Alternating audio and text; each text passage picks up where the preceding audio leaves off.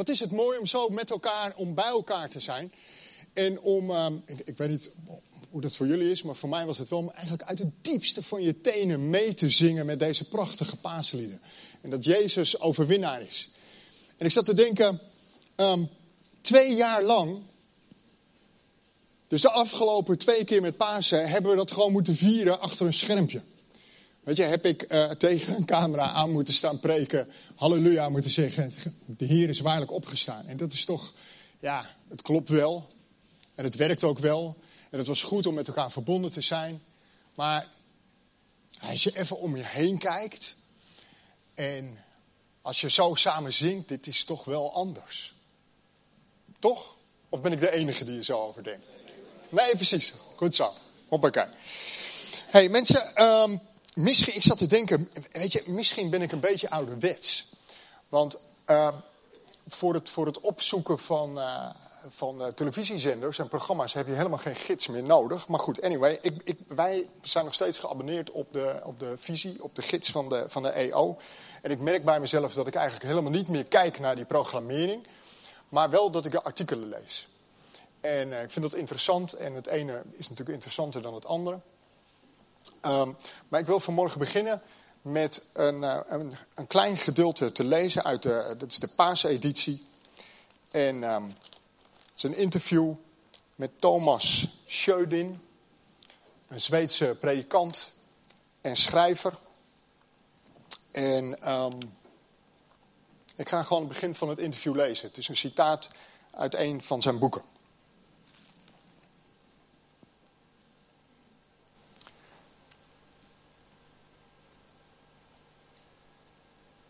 Met enkele kinderen van vrienden stonden we bij het graf van onze zoons.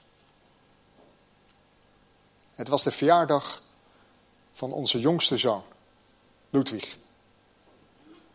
We rangschikten onze boeketten in de sneeuw en stelden vast dat een paar van onze vrienden hier al bloemen hadden gebracht. Precies zoals ze dat sinds zijn dood elk jaar doen. Toen streken we met onze handen over de koude steen en zeiden: Gefeliciteerd met je verjaardag. Op dat moment zei een van de aanwezige kinderen: Maar we moeten nu ook zingen. Uh, ja, antwoordde ik wat aarzelend. Wat zullen we dan zingen? Zonder enige aarzeling stelde hij voor: Lang zal hij leven. Op dat moment wisten we niet of we zouden lachen of huilen. We kozen ervoor te lachen en zongen vervolgens: Lang zal hij leven. Je kon ons tot in de kerk horen zingen.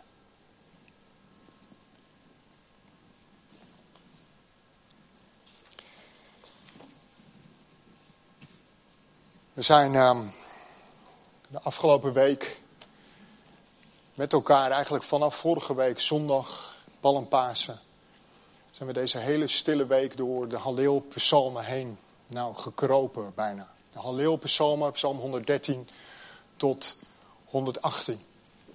De psalmen die gezongen en gebeden worden bij elk belangrijk Joods feest. De psalmen die gezongen en gebeden worden tijdens de sedermaaltijd.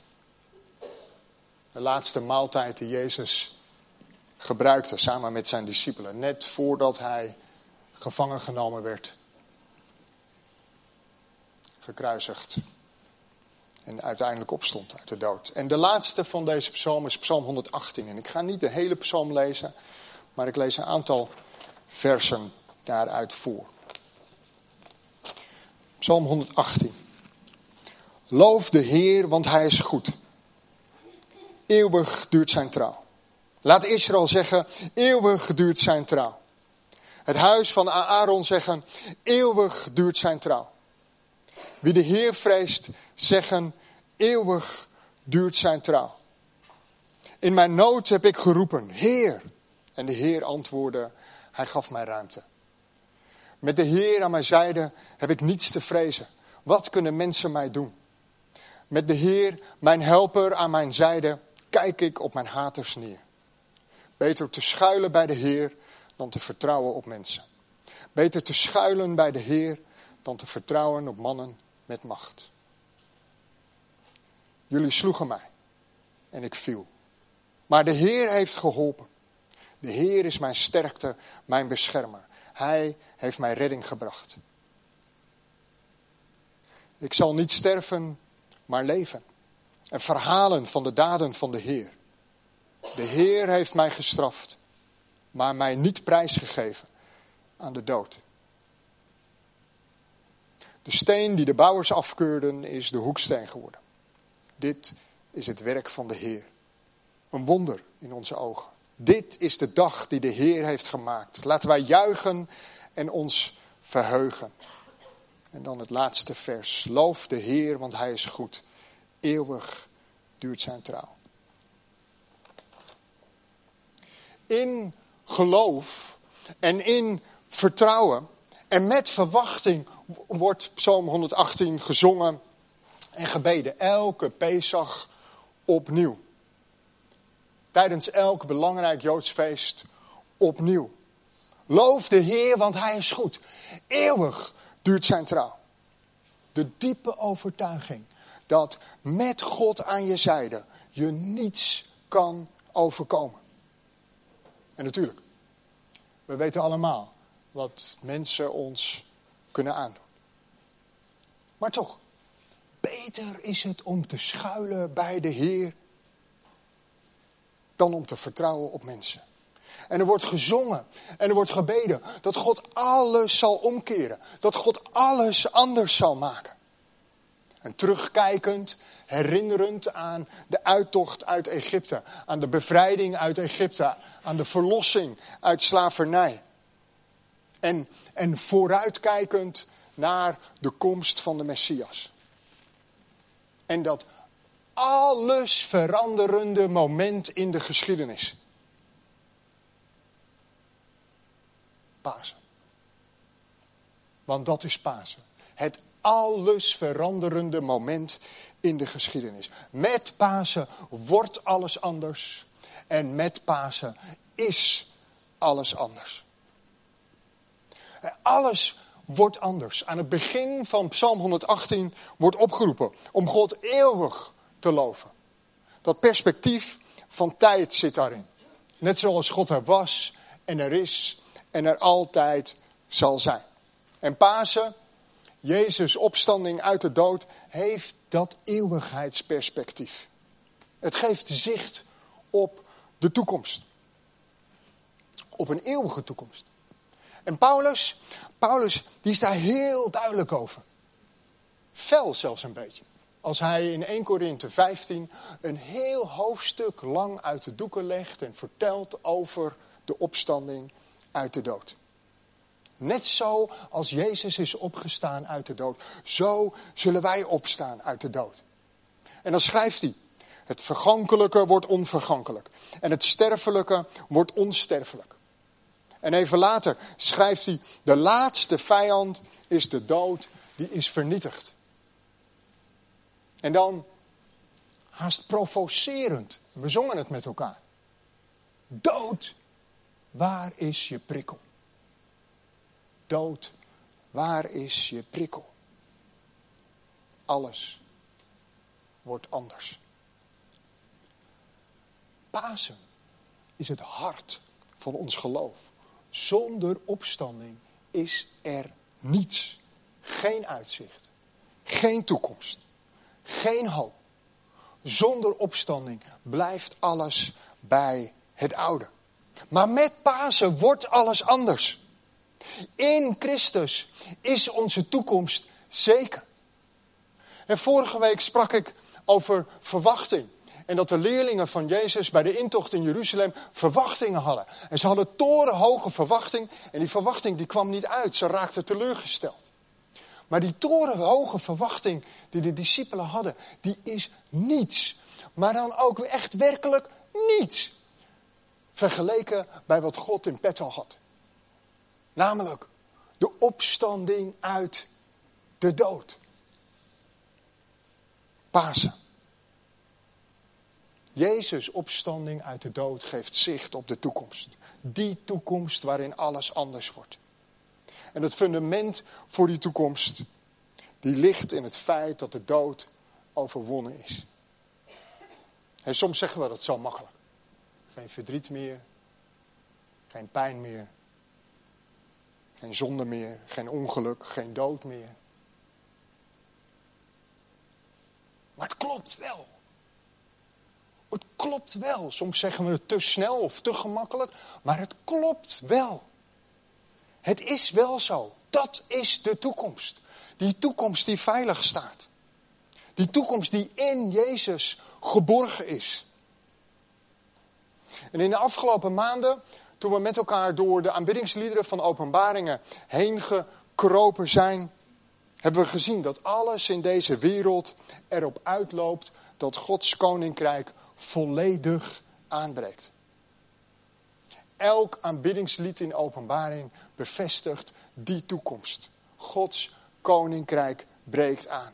En elk aanbiddingslied in openbaring gaat erover dat God almachtig is en heilig en rechtvaardig. En dat die toekomst is ingezet door het lam dat is geslacht.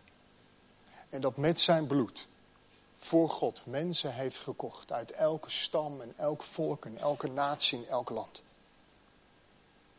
Door Jezus lijden, sterven en opstanding wordt alles anders. Door geloof in Jezus is onze toekomst zeker en is het zelfs mogelijk om bij het graf, lang zal hij leven, te zien. Tegelijkertijd is alles nu ook anders. Want op dat moment dat we gaan leven vanuit ons geloof in de opgestane Jezus, is alles anders. Niet dat er geen tranen meer zijn. Niet dat er geen ongeluk meer is. Of zonde. Niet dat er geen lijden meer is. En, en ook niet dat er geen dood meer is. Maar, maar toch, alles is anders. De bekende woorden over, over de steen die werd afgekeurd, maar nu tot hoeksteen is geworden. Jezus haalt ze aan in zijn gelijkenis over de rechtvaardige pachters. En impliceert daarmee met die gelijkenis dat hij, Jezus, die hoeksteen is. Petrus haalt deze woorden aan in zijn eerste brief. En hij past ze expliciet toe op Jezus. Waarbij hij ons als gelovigen uitnodigt om tot Jezus te komen. Om tot die levende steen te komen. Om tot die hoeksteen te komen en onszelf ook te laten gebruiken. En hij zegt, die steen die door mensen werd afgekeurd, die is door God gebruikt. Die is door God uitgekozen. Met Pasen is alles anders. Want daar waar ook wij, ook ik, zo snel mensen afkeuren of veroordelen, geeft God hen een bijzondere plaats. Het kneusje op de bank wordt de scorende spits. Het pispaaltje uit de klas wordt docent. Dat kind met die enorme lange gebruiksaanwijzing, die gaat ze later schrijven voor anderen. De angsthaas wordt vrijmoedig en de brutale wordt nederig. Pasen maakt alles anders. Jezus' opstanding uit de dood maakt alles anders. Van afkeuring naar een sleutelpositie. De steen die de bouwers afkeurden, is door God uitgekozen en is hoeksteen geworden. En dan schrijft de psalmist, dit is het werk van de Heer, een wonder in onze ogen.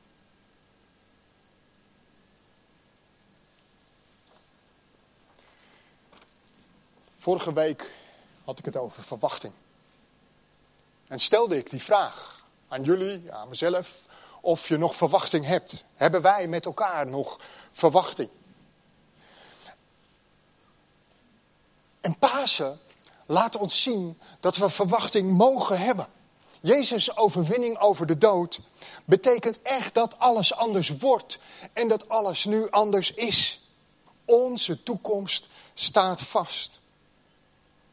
Jezus' overwinning over de dood betekent dat nu alles anders is, omdat ons perspectief anders is geworden.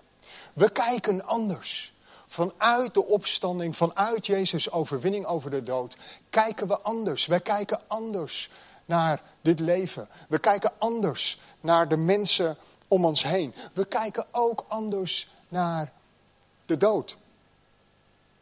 We kijken anders naar teleurstelling, naar pijn. Zo anders.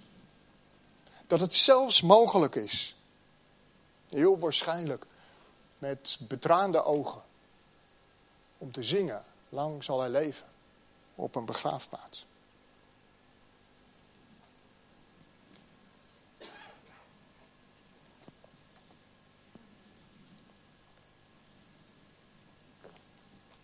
Ik sluit af en ik ga het nog een keer lezen.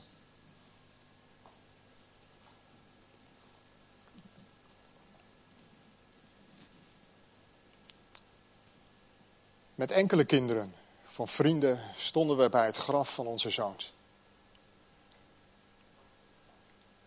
Het was de verjaardag van onze jongste zoon, Ludwig.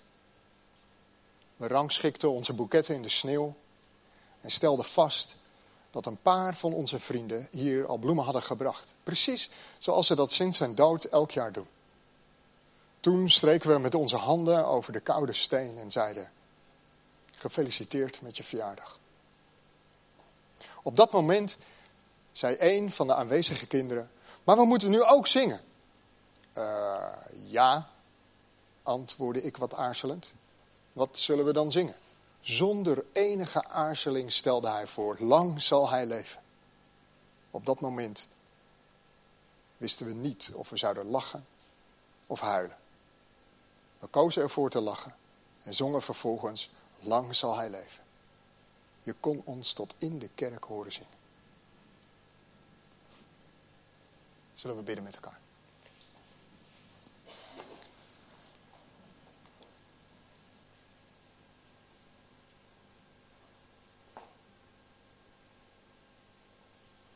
Vader in de hemel, ik snap er niets van. Heer, werkelijk. Ik snap er niets van. Hoe meer ik lees en leer en luister, hoe meer ik tot de ontdekking kom dat ik het niet kan vatten.